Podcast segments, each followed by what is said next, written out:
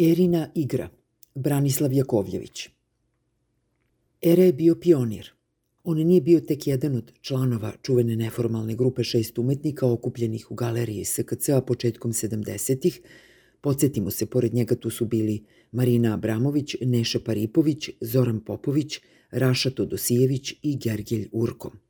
On je u mnogome ovu grupu definisao, kao što je definisao jedan period i jednu vrstu umetnosti u Beogradu, Srbiji i Jugoslaviji. Era je u tadašnjim okvirima bio začetnik jedne samonikle vrste umetnosti koja je dobila ime performans.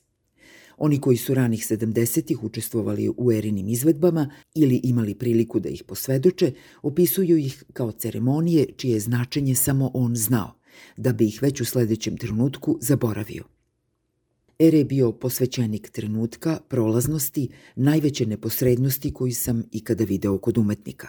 Zbog toga je on u velikom delu otelotvorenje jedne ideje performansa koja smisa ove umetnosti pronalazi u neprestanom poniranju svake simbolizacije u podsvesno.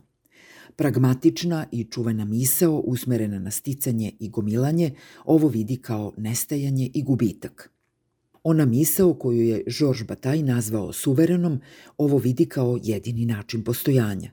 U tom smislu niko nije mogao u potpunosti da doživi erine akcije, ali isto tako svako ko je ikada imao prilike da razgovara sa njim mogao je da posvedoči metod jednog neprestanog izlivanja prošlosti u neposrednu sadašnjost.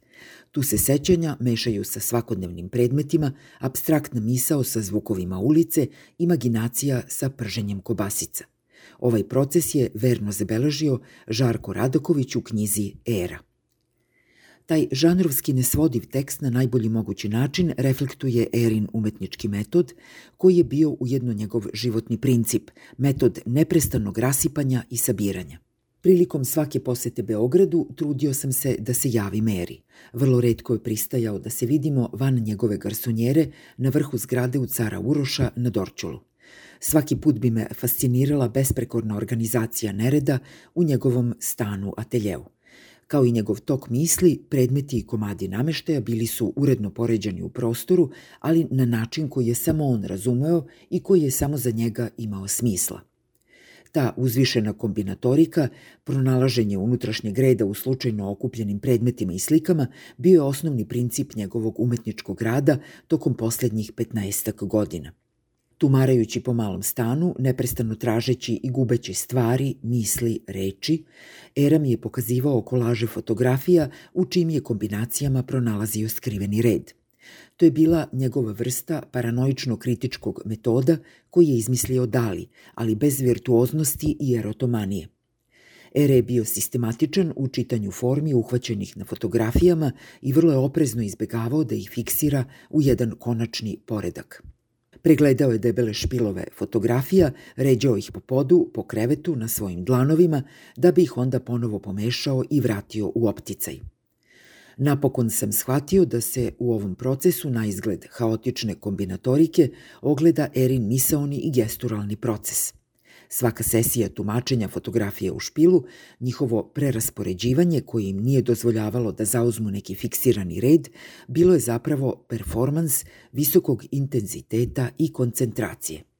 Prilikom jedne posete Ere insistirao da mi pokloni jedan njegov konceptualni rad u kome su vizualni segmenti bili zamenjeni jezičkim. Na čistom belom hamer papiru, u pravilnom pravougaoniku, bili su pedantno ispisani redovi srpskih i engleskih reči. Bio je to rad velike jednostavnosti i elegancije.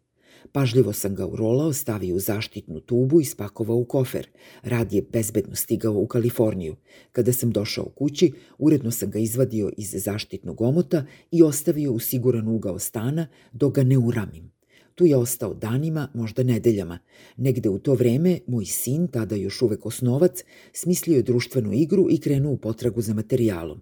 Posle nekoliko dana pojavio se sa tablom i špilom karata – Tablo improvizovao od komada papira sastavljenih selotejp trakom. Karte su na poleđini imale reči na srpskom i engleskom, odštampane u urednim redovima. Da se radilo o bilo kom drugom radu i bilo kom drugom umetniku, imao bih osjećaj gubitka. Umesto toga, osetio sam neku vrstu ispunjenja.